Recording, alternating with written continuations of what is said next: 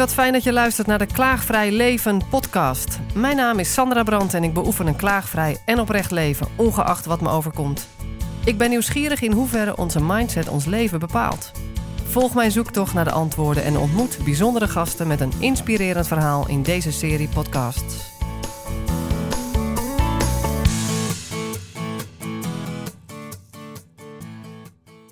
Ik ben Cecile, Cecile Slangen en ik kom uit Amsterdam. En ik ben hier nu in de prachtige omgeving in Haarlem, op een uh, volkstuinencomplex. En ik ga uh, Sandra ontmoeten. Ja, gelukkig wel, want ik wil jou ook ontmoeten. In mijn tuinhuisje. Dat is wel een uh, nieuwe studio voor mij en heel fijn. Je bent de eerste die in mijn tuinhuisje zit voor een interview. En ik wil je heel graag ontmoeten Ehm, om te weten wat voor werk je doet. Daar heb ik al iets over gelezen. Mhm. En inderdaad, dat staat in de hele podcastlijst nog niet. En ehm, ja, het heeft denk ik ieders hart, want het gaat over relaties. Ja, dat klopt, dat klopt. Nou, dat is ook hetgeen wat, wat mijn hart doet kloppen. Uh, liefdesrelaties. En mm. ehm, ik zie om me heen dat het zo ontzettend belangrijk is dat die liefdesrelatie is vaak de basis van ieders mensenleven. En op het moment dat dat niet loopt, dat het stroef loopt, vastloopt, mensen elkaar kwijtraken onderweg. Hè, terwijl ze al 10, 15, 20, 25, 30 jaar bij elkaar zijn. En ja, dat, daar zit mijn passie om, om die mensen weer, uh, weer op weg te helpen en dat die liefde weer gaat stromen. Mm. En komt ergens vandaan. Jazeker. Uh, zelf die behoefte natuurlijk aan, aan, aan een liefdesrelatie. Uh, ik ben een jaar of 11, 12 geleden gescheiden. En ik had daarvoor een relatie van 22 jaar met mijn partner, uh, de vader van mijn kinderen. En toen dat uitging, toen had ik echt zoiets van, maar waar, waar zijn we elkaar kwijtgeraakt? Mm En wat is daar gebeurd? En ik was de eerste drie jaar na de, na de scheiding, was ik zelf ook een beetje de weg kwijt. En ik was zoekende van, ja, maar wat is nou de basis in mijn leven? En die is voor mij toch wel vervat in de, in de liefdesrelatie. En natuurlijk moet ik met mezelf heel tevreden zijn, hè? dat wil ik heel graag. Maar ik wil graag samenleven. Hè? Ik ben omdat wij zijn. Dat is voor mij een soort lijfspreuk. Dus eigenlijk kort gezegd veel je basis weg daar. Zeker. En, en het was ook een soort van zelfsprekende basis uh, geworden. En we hebben er wel aan gewerkt op het eind, maar dat, toen was het eigenlijk al te laat.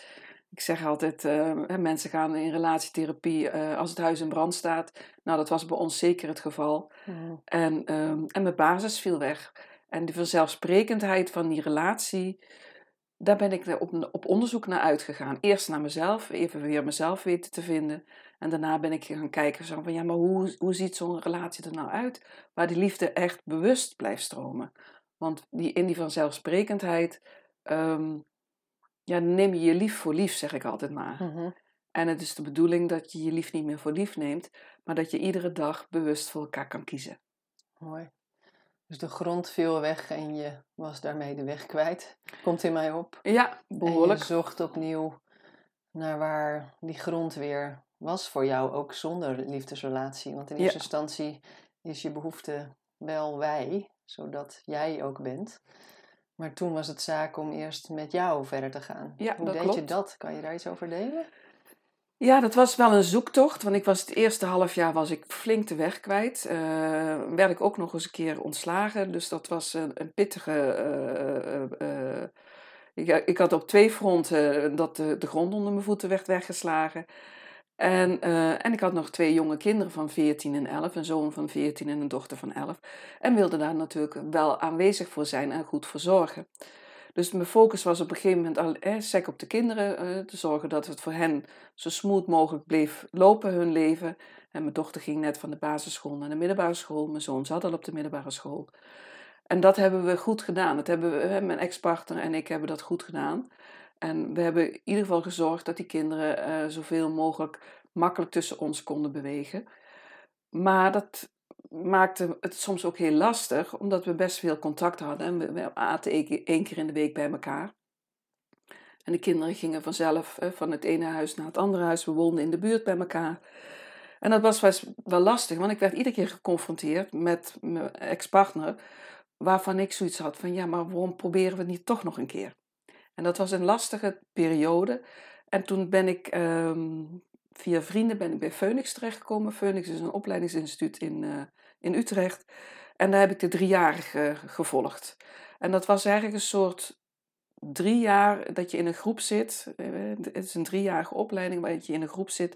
En dat gaat over persoonlijke ontwikkeling, maar in een professionele context. Want als ik alleen maar een persoonlijke ontwikkeling opleiding had gedaan, was ik er niet ingestapt. Ik had het excuus nodig om voor mijn werk professioneel te kunnen leren communiceren in, in mijn begeleidingswerk. Ik was in die tijd eh, consultant, ik had een eigen bedrijf opgericht, eigen uh, organisatie, adviesbedrijf. En ik had het idee van, nou, als ik daar nog beter in kan worden, dan kan ik nog beter mijn werk doen, dan kan ik mensen beter begeleiden, teams beter begeleiden, leiderschapstrajecten goed neerzetten. En dan, ondertussen doe ik dan ook wat aan persoonlijke ontwikkeling. Nou, misschien was het geen excuus, maar klopte het voor jou in die setting compleet? Ja, in die setting, op die manier heb ik kunnen instappen. En het eerste jaar heb ik mijn persoonlijke ontwikkeling, uh, op het moment dat het te dichtbij kwam in de groep, heb ik, uh, stapte ik uit. Stapte, oh, okay. ik, uh, stapte ik de kantine in. En dan ging ik. Deed, letterlijk. Deed, deed ik letterlijk een oefening niet mee, want die kwam te dichtbij. Eigenlijk zat mijn hele lijf nog in de crisisstand van de scheiding. En ik kon sommige onderdelen van de, van de opleiding kon ik toen tijd nog niet hebben. Dus eigenlijk uit zelfbescherming stapte ja. je weg. Ja, en dat werd geaccepteerd. Ik had twee Mooi. hele goede trainers uh, die, die, die die groep begeleiden. Uh, Wow. Alexandra Tomkins en, en, en Wim Wolters. En die hebben dat ontzettend goed ingeschat. En die hebben mij iedere keer die benning gegeven. Het is oké als je uitstapt. Maar Wat het is bijzonder. de bedoeling wel dat je weer dat je blijft en dat je weer terugkomt op de dag. Dus niet was, als ik was weggegaan en uitgestapt, dan, dan had ik niet meer kunnen instappen. En iedere keer begeleiden ze me weer met instappen. En dat was een hele mooie. Wat een bijzonder proces. Dus dat er wel uh, bedding en liefde is voor, voor het, uh, ja, wat we in de volksmond negatief vinden, het vluchten. Hè? Terwijl het is een overlevingsmanier die op dat moment nodig was voor jou. Omdat het systeem anders overbelast raakte. En het werd begeleid en je was altijd weer welkom. Wat Ja. mooi. Ja. En ik was geen makkelijke in de groep, hè, dus, dus dat kreeg ik ook wel terug. Ik ben best wel aanwezig in een groep, met, ook met mijn verhaal. En, uh, en sommige mensen vonden dat wel lastig, uh, dat ik zo uitstapte. Maar doordat Alexandra en Wim dat zo begeleiden, werd dat geaccepteerd. En eigenlijk in het tweede jaar, want ik heb heel erg getwijfeld, na het eerste jaar ga ik door. Want biedt mij dit wel voldoende, professioneel gezien? En toen heb ik echt de knoop doorgezet. En toen heb ik ook de knop omgezet. En toen kon ik ook het persoonlijke stuk veel meer onderzoeken in de Ja, opleiding. En je voelde je veilig genoeg ervoor. En toen voelde ik me veilig genoeg. En toen was het ook veilig tussen mij en uh, Alexandra. Want ik had Ja. altijd een moeizame relatie naar vrouwen. Ik, het was veiliger bij mij voor de, bij de mannen dan bij de vrouwen. Oh ja? Ja. Wat interessant. Ja, dat heeft met mijn geschiedenis te maken, van waar ik van huis uit kom. Ja. Ik heb twee fantastische ouders gehad. eh, mijn moeder leeft nog. Maar ik had wat meer connectie met mijn vader. En mijn moeder vond ik wat ingewikkelder. En daar hield ik wat meer afstand van. Want dat ik was altijd... verder vertaald in de rest van je leven. Ja, dat Ja. we nemen alles mee, hè? We nemen alles mee. En Ja. dat zie ik ook in mijn werk. Ik ben relatietherapeut. Vind ik wel een mooi bruggetje naar mijn werk. Ja, ja. Ehm, er is een mooie uitspraak. eh, There's a crack in everything, that's where the light gets in. Oké. Dat is Ja. een, een, een lied van, eh, van eh, Leonard eh, Cohen. En we nemen allemaal onze geschiedenis mee in die liefdesrelatie. Mhm. En zeker in het begin van de liefdesrelatie. m- Merk je dat aan elkaar? Eh, eh, vind je, in het begin vind je dat leuk en op een gegeven moment loop je daar tegenaan. Dan worden dat irritatiedingetjes. Hetgene waar je eerst tegen opkeek, wat wel cool. En dan wordt dat eigenlijk eh, irritant. Ja, dan komen die irritaties, dingen dit, komen terug. Hè, dus als, als je een, eh, bijvoorbeeld een dominante moeder hebt gehad en eh, ehm, dan zoek je bijvoorbeeld als man, eigenlijk probeer je de opposite te zoeken, maar toch komen ze terecht bij een dominante vrouw. En daar kan je dan jezelf aan helen en aan oefenen om toch je kenbaar te maken in de relatie. Wat je niet kon in die volwassen ouder-kindrelatie, in die, in, die, in die ouders als volwassenen en jij als kind, daar was je afhankelijk van. Ja. Dus ik heb naar mijn, oef, mijn moeder pas kunnen oefenen, eigenlijk de laatste tien jaar, dat ik me meer kenbaar maak Mhm. en dat we meer gelijkwaardig zijn. Ja, in eerste instantie zou je denken, eh, kies je dan de partner waar je je helemaal in herkent in het patroon, onbewust. Omdat het er toch een soort ontspanning geeft van dit is vertrouwd, maar dit is nou net niet eigenlijk wat de gezonde relatie geeft. Nou, dit is, ik zeg altijd, je zoekt iets wat, wat je kent en, en, en wat op een bepaalde manier comfortabel is, ondanks dat het niet fijn was, maar wat je, wat je kent. En, en het verschilt op onderdelen waar je juist aan kan groeien en kan helen, jezelf en elkaar. Ja, ik moet even denken aan waar ik dan naar geneigd was vroeger. Ehm, dat ik het dan als het ware normaal vind als uh, iemand niet aardig tegen me doet. Ehm, mm. niet omdat dat vroeger tegen mij werd gedaan, maar toch heb ik ergens een soort minderwaardigheidsstukje meegekregen van het, het vrouw zijn aan zich. Mm dat een man per definitie meer waard is. Mhm. En als een man ook zo tegen mij doet, dat ik dat dan ook ergens logisch vind.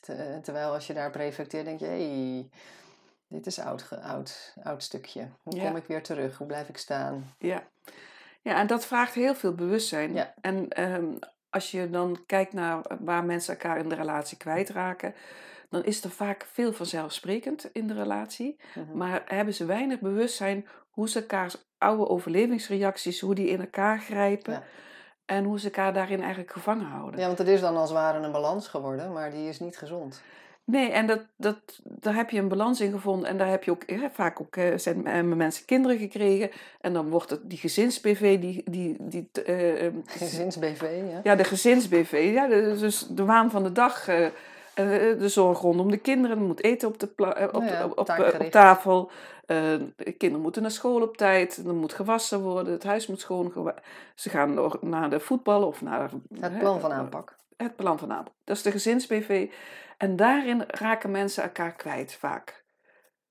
En dat is het moment dat ze ook, als ze dat in de gaten hebben, dat ze dan vaak ook wel aankloppen voor relatietherapie. En dat vind ik echt, ik zeg altijd de eerste keer... Dan ben je nog op tijd. Dat zijn moedige mensen die dat met zichzelf en met elkaar willen aangaan. Want het is eigenlijk een groot cadeau aan jezelf, aan elkaar en vooral ook aan je kinderen.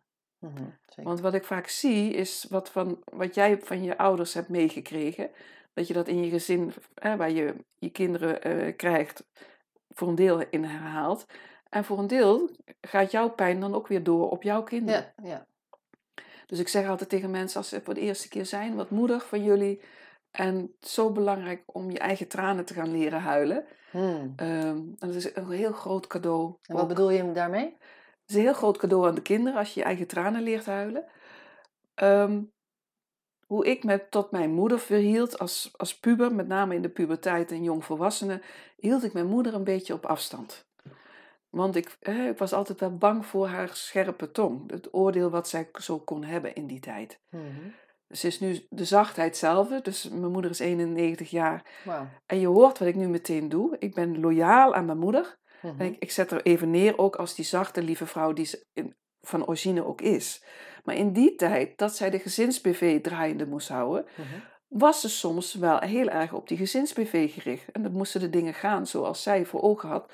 Want anders kreeg ze die organisatie voor die vier kinderen niet rond. En werken daarnaast mijn moeder heeft gewerkt daarnaast en mijn vader ook altijd. Dus dat was altijd wel zorgen dat het goed liep. En dan kon mijn moeder precies wel de dingen zeggen zoals het nodig was. Maar dat heeft het effect op mij gehad dat ik me een beetje sloot naar mijn moeder toe. En dat ik eigenlijk niet vertelde hoe het van binnen bij me was. Dus mijn binnenwereld kon ik niet echt delen naar mijn moeder toe maar ook niet echt naar mijn vader. Dus in dat gezin van vier, waar ik nummer drie was, ik was het sandwichmeisje, zeg ik altijd, een oudere broer. Een, paar, een klein anderhalf jaar later komt mijn zus, dan anderhalf jaar later kom ik en dan veertien maanden later komt mijn broertje. En ik was het sandwichkind. Dat was al een zoon, dat was de eerste, die krijgt alle aandacht. Een eerste dochter, die krijgt alle aandacht. Toen ik, en toen een broertje, en dat was de hekkensluiter, de Benjamin. Dus die kreeg als laatste ook veel aandacht. Mhm. En we zijn eigenlijk als een soort vier-eenheid opgegroeid. Mhm. Dus ik als dat sandwichkind heb heel erg mijn best gedaan om gezien te worden. Wat doe ik in relaties? Ben ik de hele tijd bezig om me te profileren, dat je me ziet, dat je me leuk vindt, dat je me aardig vindt, dat ik eigenlijk oké ben in de ogen van mijn partner. Je zei je hebt heel veel moeite gedaan om gezien te worden vroeger en daarvoor zei je dat je eigenlijk je sloot. Hoe verhoudt zich dat tot elkaar? Ik sloot me op de binnenkant en ik profileerde me op de ah, buitenkant. Ah, bedoel. Ik ben bijvoorbeeld uh, uh, heel goed in turnen geworden. En stond regelmatig op het podium. Ik heb landelijk een, een tijdje, heel kort, landelijk een tijdje geturnd. En toen had ik af en toe een, een, een, uh, medaille. En dat was vooral buitenkant bedoel je? Buitenkant. Dus ik, ik kon op wilskracht Ja. heel veel bereiken. Dus dat, Ja. Op het competitieve stuk kon ik heel veel bereiken. Eh, ehm, eh, opleidingen, school, Ja, eh cum laude, afstuderen. Allemaal buitenkant neerzetten. Maar hoe het van binnen met me ging, daar kon ik zelf eigenlijk ook niet meer bij op een gegeven moment. Dat was een onbewoond gebied. En dat zag je zelf ook weer doen later in relaties. Dat heb ik in relaties gedaan. Dus ik heb heel veel aan die buitenkant gedaan. Ja, dus op een gegeven moment durfde ik het aan om ook die binnenkant. En toen kwam ik echt wel zwarte dingen van mezelf tegen, die ik goed, goed onder de pet had weten te houden. Ja. Door die wilskrachten. Dus ik heb in, en, en in die wilskracht zit ook ontzettend veel kwaliteit. En er zit doorzettingsvermogen en discipline en overeind blijven. En sociaal contact. Ik ben heel goed in eh, sociaal vaardig, zeg ik maar, om contact te maken. Maar dat was allemaal in die crisistijd een beetje weg. Dus ik had die wilskracht, die heb ik wel gebruikt om overeind te blijven, om, te- voor, om voor de kinderen te Na de zorgen. scheiding bedoel je? Ja, na de scheiding. Ja. Hè, dus in die, in die crisis na de scheiding heb ik die wilskracht ingezet om overeind te blijven. Maar dat vertrouwen om naar binnen te gaan, dat had ik toen nog niet. Nee. Pas dat heb ik eigenlijk na een jaar Phoenix, durfde ik naar binnen te gaan. Nou ja, en ook omdat daar de bedding werd gegeven. Ja. Wat nu gebeurt, het is maandag 12 uur. En dan gaat bij de generatie die de oorlog nu heeft meegemaakt, gaat het alarm op af. En die zitten allemaal in de vecht-vluchtreactie nu meteen, fysiek. Mhm. En we realiseren ons niet dat we dat iedere eerste maandag van de maand, bij die generatie die de oorlog heeft meegemaakt, oproepen, wakker maken. Mhm. En ik vraag me af, hebben we dit nog nodig om dit te doen? En als je vanuit, echt vanuit die vechten, vluchten, verstijven, verlammen reactie, hè, die overlevingsreactie redeneert, dan staat nu alle, alle mensen van, van, hè, die 45 hebben meegemaakt, 40, 45 hebben meegemaakt, die staan op alarm. En die hebben een half uur nodig om zichzelf rustig te maken. Minimaal. Minimaal. En dat gebeurde er bij mij ook in, de, in die Phoenix-opleiding. Die binnenwereld werd wel iedere keer aangeraakt in die eerste jaar van de opleiding. Maar ik kon daar nog niks mee. Ik had nog niet voldoende bedding in mijzelf om mezelf te kunnen kalmeren. En daar... Nou, en daar zijn ook andere mensen voor nodig. Het lijkt me niet, eh, dat vind ik een beetje de ongezonde eh, richting lijkt het in onze cultuur dat je het zelf moet kunnen. Ja. Maar we hebben elkaar nodig om Ja. je veilig te voelen. Dat klopt. En ook je veilig te voelen en ook te oefenen in, in, de, in, de, in het contact, in de ontmoeting met anderen. Want het is soms verduveld lastig om jezelf veilig, op veilig te krijgen. En er zijn natuurlijk meditatieve eh, oefeningen in en zo. En, die geef ik mensen ook wel mee in, in de relatietherapie. Dit is overigens een van de eerste sessies. Heb ik het over je over- overlevingsreactie. eh, of je vechten, vluchten, verstijven of verlammen doet. eh, hoe je dat zo thuis vroeger, hè, in het gezin waar je bent opgegroeid, hoe je dat zo, als daar gedoe was, als daar spanning was, wat deed je dan? Een stap naar voren of een stap naar achter? Mhm. En dan geven mensen een stap naar voren aan, dan, dan weet ik eigenlijk, oh, dat zijn meer de vechters. En een stap naar achter, dat zijn meer de vluchters of de verlammers, of Ja. degenen die verstijven. En dan heb je eigenlijk, eh, en dat doe ik dan ook met een tafelopstelling, dat breng ik in beeld met een tafelopstelling, met poppetjes op tafel. En dan zet ik mensen, dat zijn Duplo-poppetjes, dan heb je zo'n wit Duplo-blokje, Duplo-blokje, ik struikel er bijna over. heb ik dan eronder. En dan zet ik mensen die vechten, hè, die stap naar voren doen, die zet ik dan voor op het Duplo-blokje. En de mensen die eh, vluchten, vlammen of verstijven, die zet ik achter op het Duplo-blokje. En dan heb je opeens twee kindpoppetjes die op een bloe- Duplo-blokje staan, naast twee volwassen Duplo-poppetjes. En dan zie je opeens wat je overlevingsreactie van, van jou als kind was. Mhm. En dan heb je meteen de dynamiek tussen die, dat stel, tussen die twee partners in beeld. En dat is vaak een moment dat ik echt, dat iedereen zoiets is van, ja, dat doen we. Dat is ons patroon. Dus bijvoorbeeld, het meest voorkomende patroon is dat de vrouwen voor op het blokje staan en de mannen achter op het blokje. Oh ja? 80 tot 85 procent van de stellen hebben dat patroon. Als, ze tenminste, als ze zo'n beetje bij mij komen. En dan noem ik, hè, de- als je voor op het blokje staat, ben je meer de klopper. Dan klop je aan bij de ander van wat is er aan de hand bij je, wat is er met je, Eh, heb je dat nog niet gedaan, Eh, we moeten van het weekend zussen en zo. En als jij nou dat even doet, dat is die, weer die gezins-BV die daarin meedoet. En de terugtrekker, die staat achter op het blokje en die heeft zoiets, "Mhm, ja ja, nee, nee." En die reageert wel, maar doet eigenlijk niet mee. Die negeert het ook een beetje. Dus op het moment dat die terugtrekker zich het, eigenlijk het kloppen negeert, moet die kloppen harder gaan kloppen. Dus die, die, diegene klopt harder aan de deur bij de terugtrekker en de terugtrekker die gaat steeds Gaat van het blokje af. die gaat steeds verder achteruit. En die gaat niet van het blokje af, die gaat zich nog verder terugtrekken. En ik zeg dan altijd voor de mannen, die gaan naar de man cave. En die rollen daar een rotsblok aan de buitenkant, aan de binnenkant tegenaan. En die vrouw heeft, daar is geen door- doorkomen aan, hè? Die kan niet in die, in die man cave komen. En dat is eigenlijk de dynamiek, wat je dan vaak ziet, die dan zijn ontstaansgeschiedenis heeft in het gezin van herkomst. Waar komt zij vandaan? Waar komt hij vandaan? Mhm. En zo is het in iedere liefdesrelatie. En dat is inherent aan liefdesrelaties. Dat, daar is geen ontkomen aan. En het, dus het zicht hierop, wat maakt dat? Op het moment dat mensen dat bewustzijn gaan krijgen, dat zich daarvan bewust zijn en snappen waarom ze doen wat ze doen, dus van zichzelf snappen waarom ze doen wat ze doen, in het bijzijn van hun partner, want ze zijn in relatietherapie, dus ik ga met, met, met, de, vrouw naar binnen, met, met de vrouw naar binnen, zo vraag ik aan de vrouw van, nou waar ken je dat van, hoe was het dan vroeger bij jou thuis, hoe deed je dat naar je vader, hoe deed je dat naar je moeder, hoe deed je dat naar broers of zussen die er eventueel zijn. En als zij dat inzicht heeft, in zijn bijzijn, dan geeft dat mildheid van hem uit dat hij snapt waarom ze zo doet zoals ze doet. Mhm. Geeft mildheid vaak ook naar jezelf, dat je snapt waarom je doet wat je doet. En ik zeg eigenlijk, en omgekeerd doen we dat dan ook. Hij gaat zo naar binnen en zeker de terugtrekkers die hebben soms wat moeite om die binnenwereld te gaan bewonen, want dat is eigenlijk een beetje onbewoond gebied. Mhm. Dat hebben ze al van jongs af aan geleerd om niet te voelen, niet te bewonen. En mannen hebben dat wat meer geleerd om niet te bewonen dan vrouwen. Maar er zijn ook mannen die dat wel heel goed hebben bewoond. Dus ik heb ook mannen in mijn praktijk dat ik denk van wauw, wat kan je dat goed verwoorden en heel specifiek.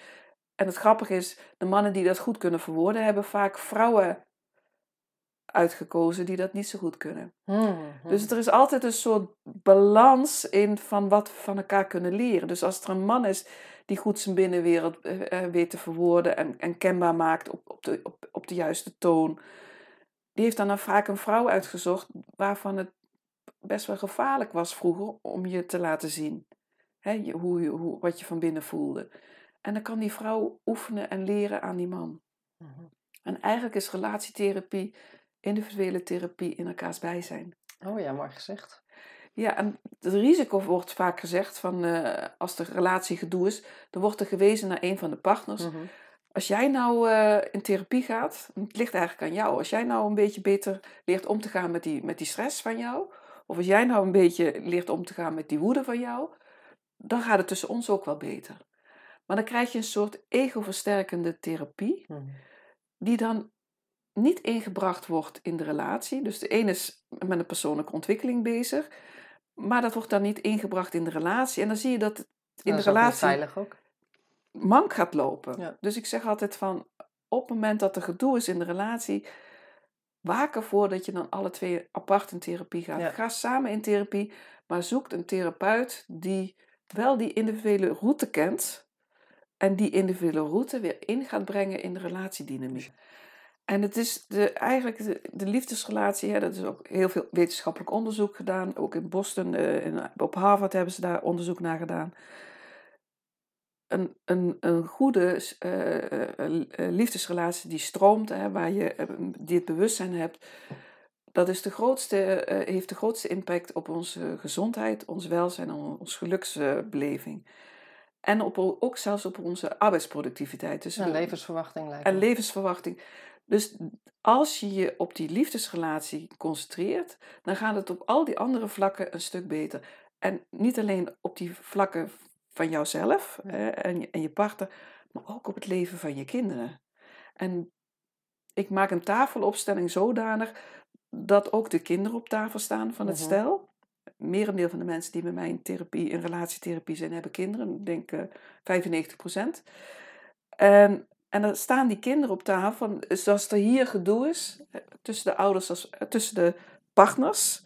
Ik maak ook twee poppetjes voor de ouders, zet ik neer, en twee poppetjes voor de partners. Dus ik maak een onderscheid tussen de ouderrol naar de kinderen toe en de partnerrol. En dan zeg ik vaak van, het is zo belangrijk dat jullie die partnerbasis goed gaan krijgen, want dan kan je een betere ouder zijn voor de kinderen. En dan zien de kinderen hoe je dat doet, hoe je met moeite omgaat, hoe je met moeilijkheden, hoe je problemen met elkaar oplost. Mhm. En hoe je daar doorheen komt en dat je toch die liefdevolle relatie houdt. Dus je leeft het de kinderen voor hoe je dat kan doen. Ja, en ik hoor je ehm, vooral benoemen het huilen van je eigen tranen en het laten zien hoe je met moeilijkheden omgaat. Zijn dat met name de twee pijlers? Dat is de, als je dat goed kan, hè, en als mensen bij me komen, dan, dan vinden ze het lastig om over leuke dingen te gaan praten. Om leuke, en dat wordt vaak ook in, in cognitieve therapie wordt gezegd van, ja, jullie moeten ook wat vaker met, met z'n tweetjes uit eten gaan of met, z'n tweetjes een weekendje weg. Maar als die basis er niet is, die bedding er niet is, dan kunnen mensen dat wel. Gaan ze een weekendje naar Ameland? Ik had laatst een stel uh, bij mij in, in, de praktijk. Die waren een weekendje Ameland geweest. Maar het was helemaal niet leuk. Waarom niet? Omdat ze die basis nog niet, hè, die bodem nog niet gelegd hebben, dat fundament nog niet gelegd hebben. En dat doe ik door eerst die bodem met ze neer te leggen, zodat je begrijpt wanneer de ander uit de bocht vliegt, wanneer de ander toch met die oude overlevingsreactie van vechten of vluchten eh, aankomt, hè, van terugtrekken of kloppen, dat je dat kan begrijpen. Dat, dat onschuldigt de ander een beetje. En dat je daardoor kan verwoorden, hé, maar wat, hoe jij nu reageert op mij, dat triggert bij mij oude pijn. Dan ben ik dat kleine meisje van toen die niet gezien werd. Dus dan ga ik nog harder schreeuwen. En dan zeg je, niet zo hard praten. Cecile, niet zo hard praten. dat deed een, een vorig vriendje bij mij. Cecile, eh, niet zo hard praten. En dan had ik echt zoiets van, ik ben niet oké genoeg voor jou. En ging ik nog harder praten. En dan ging ik nog meer vertellen. Nou, dat had een averechts effect. Dus we moesten eerst die bodem leggen bewust zijn van elkaars pijn. Mhm. Op het moment dat je dat weet van elkaar. Daarna kan je ook, uh, dan heb ik ook een sessie bijvoorbeeld over, uh, weet je eigenlijk de favoriete liefdestaal van je partner? En dat is een hele leuke sessie. En dan gaan ze ontdekken waar de ander gevoelig voor is.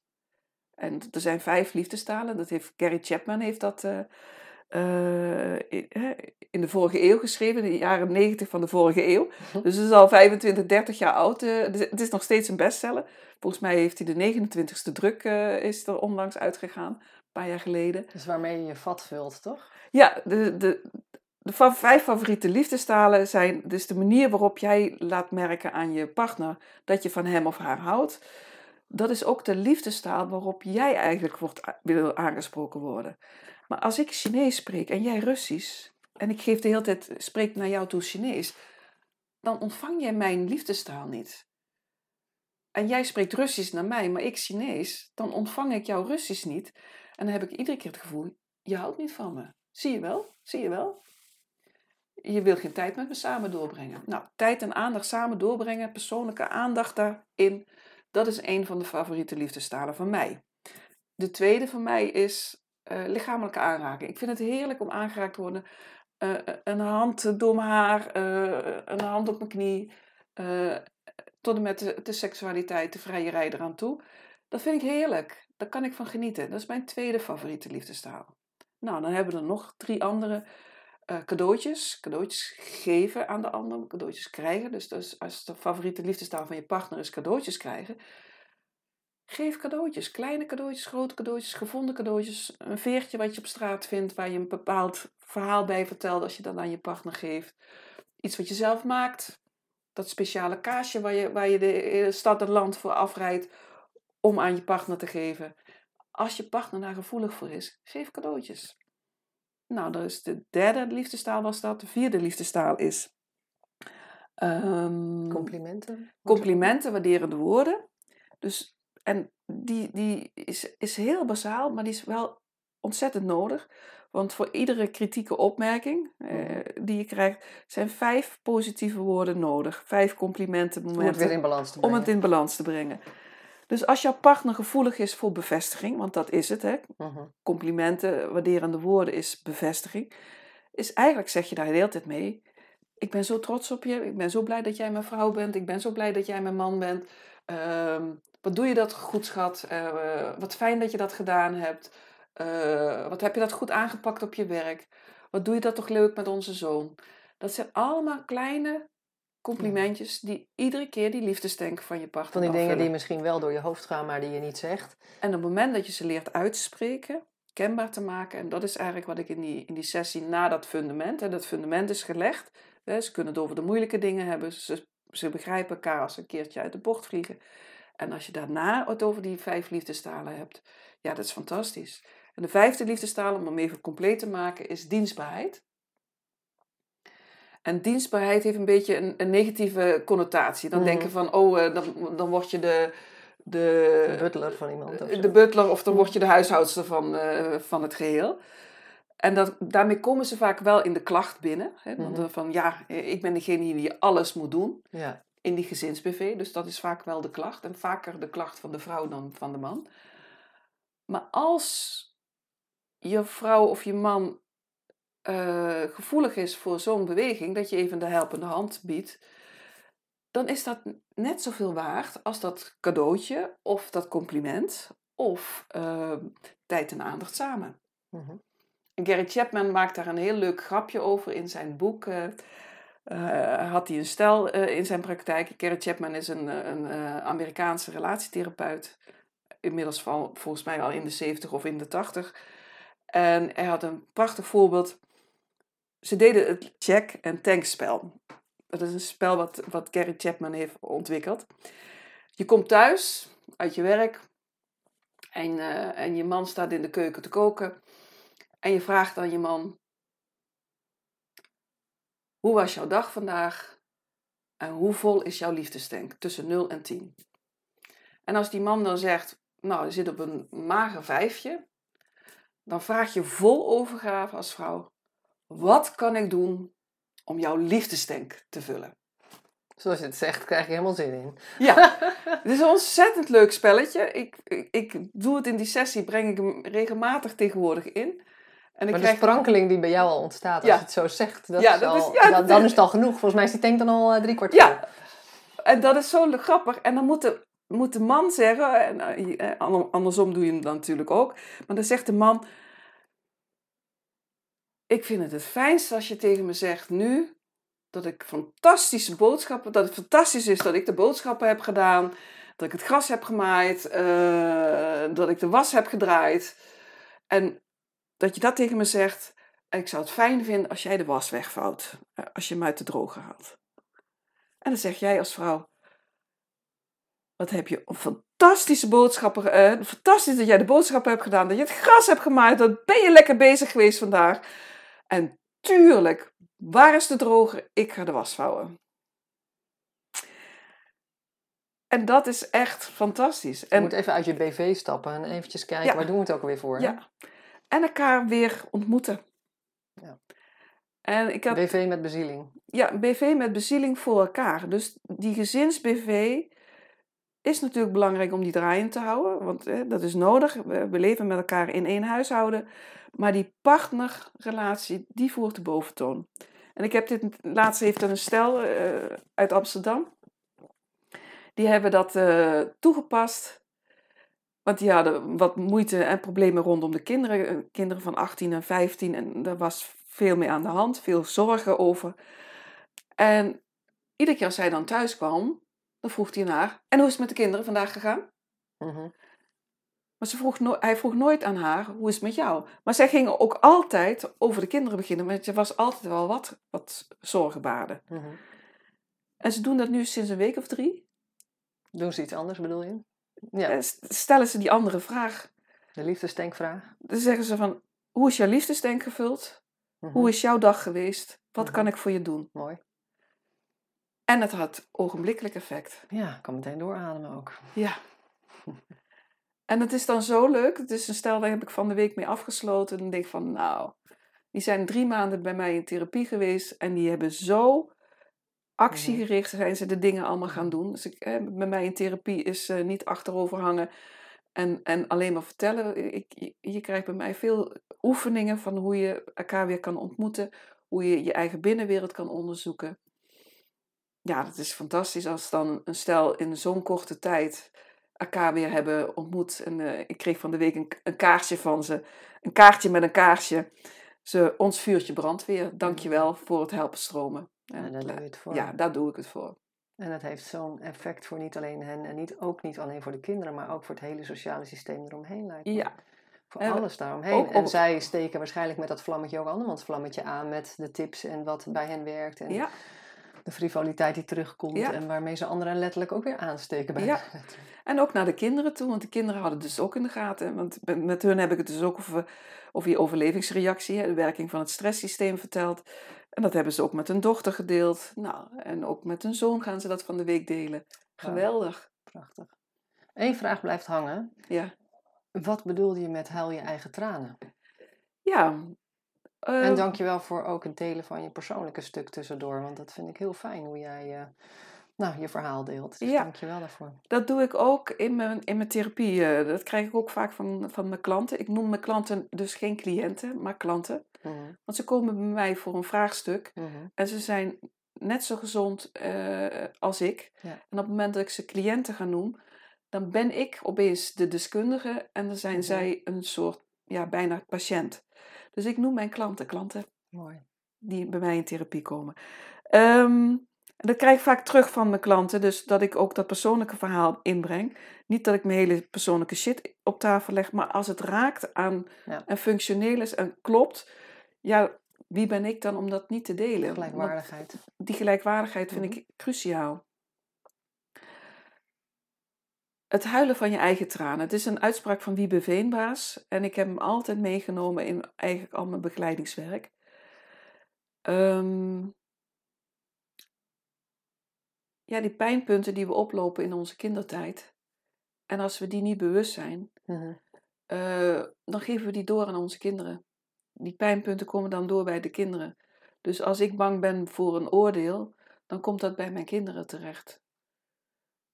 En sluiten zij zich ook van binnen, bang voor mijn oordeel. Maar op het moment dat ik me dat bewust ben gaan worden, en toen waren mijn kinderen best al groot, dus die hebben alle aardige portie van dat die scherpe tong van mij meegekregen, ehm, ben ik daar zachter en milder in geworden. En heb ik ook de pijn ervaren, hoe ik dat ervaren heb in, in het contact naar mijn moeder toe. En doordat ik daar me bewust van werd, werd ik zachter ook naar de kinderen toe, maar werd ik ook zachter in mijn relatie naar mijn, naar mijn liefdespartners. Mhm. Want na mijn partner, waar ik, hè, de vader van mijn kinderen, heb ik ook nog een relatie, een langdurige relatie gehad. En daarin ben ik me veel bewuster geworden van, eh, van mijn eigen pijnplekken. Ja, en de kunst is om daar dan ook zacht naar te kijken in plaats van je daarvoor weer te veroordelen. Ja, dus die interne criticaster, en ik doe nu zo'n zo'n zo'n stemmetje op je schouder, hè, dan doe ik met mijn hand, tet, tet, tet. Die interne criticaster die is stuk, stuk minder aanwezig. Mhm. En iedere keer als ze wel komt, als ze wel op mijn schouder meetettert, dan geef ik me aan, mezelf op de andere schouder een schouderklopje. Hmm. En het effect van, die, van dat schouderklopje is dat mijn stresshormonen het seintje krijgen van hé, hey, het zijn wordt weer een beetje veilig. Maar als ik heel veel aandacht besteed aan die criticaster, dan krijgen mijn stresshormonen het seintje. Het dreigt nog steeds gevaar. Ja, en op dat moment ben je ook heel erg open voor nog meer gevaar. Je Ja. bent eigenlijk aan het scannen Ja. eh, waar het gevaar zit. Je gaat er al vanuit dat elke opmerking of Ja. niet-opmerking dus ook Ja. nou, in hetzelfde negatieve straatje zit. Dus dan vraag ik ook mensen in mijn praktijk, dan ben ik dit stukje, een soort stukje psycho-educatie, van iets uitleggen van de werking van het stresssysteem. Belangrijk. Heel belangrijk. En mensen zeggen ook dat ze dat heel fijn vinden. Mhm. Dus, dus dat je snapt ja. wat, wat er gebeurt. Onschuldigt ook soms, hè, dat je Mhm. uit de bocht kan vliegen. Maar dan begrijp je ook beter hoe je jezelf weer kan terughalen in die volwassen plek. Dus ik vraag of ze op het moment dat ze herkennen dat ze uit de bocht vliegen, om zichzelf dat schouderklopje te geven. En wat dan ogenblikkelijk bij iedereen bijna gebeurt, is een glimlach op het gezicht. Ja. En die glimlach, dan vraag ik ook van, heb je in de gaten wat er in je gezicht gebeurt? Ja, ik glimlach. Ik zeg, en dat is eigenlijk al het zijn dat je jezelf Zijn geeft, zijn veilig geeft. Ik zeg, en geef jezelf nu eens op je kop. En dat is wat die interne criticaster doet. Mhm. En op je kop slaan, en dat vinden mensen heel vervelend om te doen. Ik zeg maar, mentaal is dat wat je doet om jezelf op de kop te slaan. Ja. En die fysieke ervaring, Mhm. die legt het vast, zodat ze gaan herkennen wanneer die interne criticaster. Dus iedere keer als die interne criticaster, moet je je eigenlijk op de kop slaan. Dat je het doet. En daarna moet je je schouderklopje geven dat je het in de gaten hebt, die criticaster dat heeft gedaan. Dus je geeft een nieuwe neurale verbinding door jezelf een schouderklopje te En geven. dan wel vier à vijf keer zo lang eh, de schouderklop aai. Ja, die is een Om mooie, balans te maken. ja, die is een mooie toevoeging. Dat heb ik tot nu toe nog niet gedaan, maar dat dank je wel, Sandra. Dat, die ga ik zeker erin houden. Ja, Ja, leuk. helpt het om over Ja. mijn hele armen, met beide handen, dus met kruislinkse armen, Ja. over mijn armen te aaien. Dit zeg maar. bedoel je? Ja, ja. Dat doe ik zelf ook. En Ja. wat ik zelf zeker in die crisistijd heb gedaan, is dit. En een beetje jezelf wiegen. Mooi. Dat, want dat is het meest basale gevoel wat een babytje nodig heeft, is Mm. dat wiegen. Hmm. Het is eigenlijk de oerpaniek van het kind in ons, Ja. die zich niet veilig waant. En we zijn als kind afhankelijk van grote mensen. En we zijn zoogdieren eigenlijk, dus we zijn afhankelijk van volwassenen. En als het niet veilig is bij die volwassenen, dan gaan we onszelf als kind vaak wiegen. En even een concreet eh, praktijkvoorbeeld. eh, hoe ik veiligheid bied aan mijn kinderen, soms onbewust, maar meestal doe ik dat dan ook echt bewust dat ik alleen maar ga zitten op de bank zonder enig plan en alleen maar aanwezig ben. Nou, dat is al, hè, dan moet je even uit de BV-takenpakket stappen. Ja? in de BV-bezieling. En daar aanwezig zijn. En voor je het weet zitten er twee van de drie eh, Bij jou op de links bank. en rechts van mij eh, ook niks te doen met aanhalingstekens. En zit de derde op mijn schoot en eh, zijn we aanwezig en is daar volledige rust in de house. Ja. Zijn veilig. En dat hebben ouders neer te zetten, maar als ouders dat niet weten van zichzelf, dan huilen ze hun eigen tranen niet. Ja. Dus daar hebben we heel veel in te doen. En natuurlijk is dat niet iedereen eh, beschoren, dat, dat, dat je daartoe in staat bent om die reflectie op jezelf.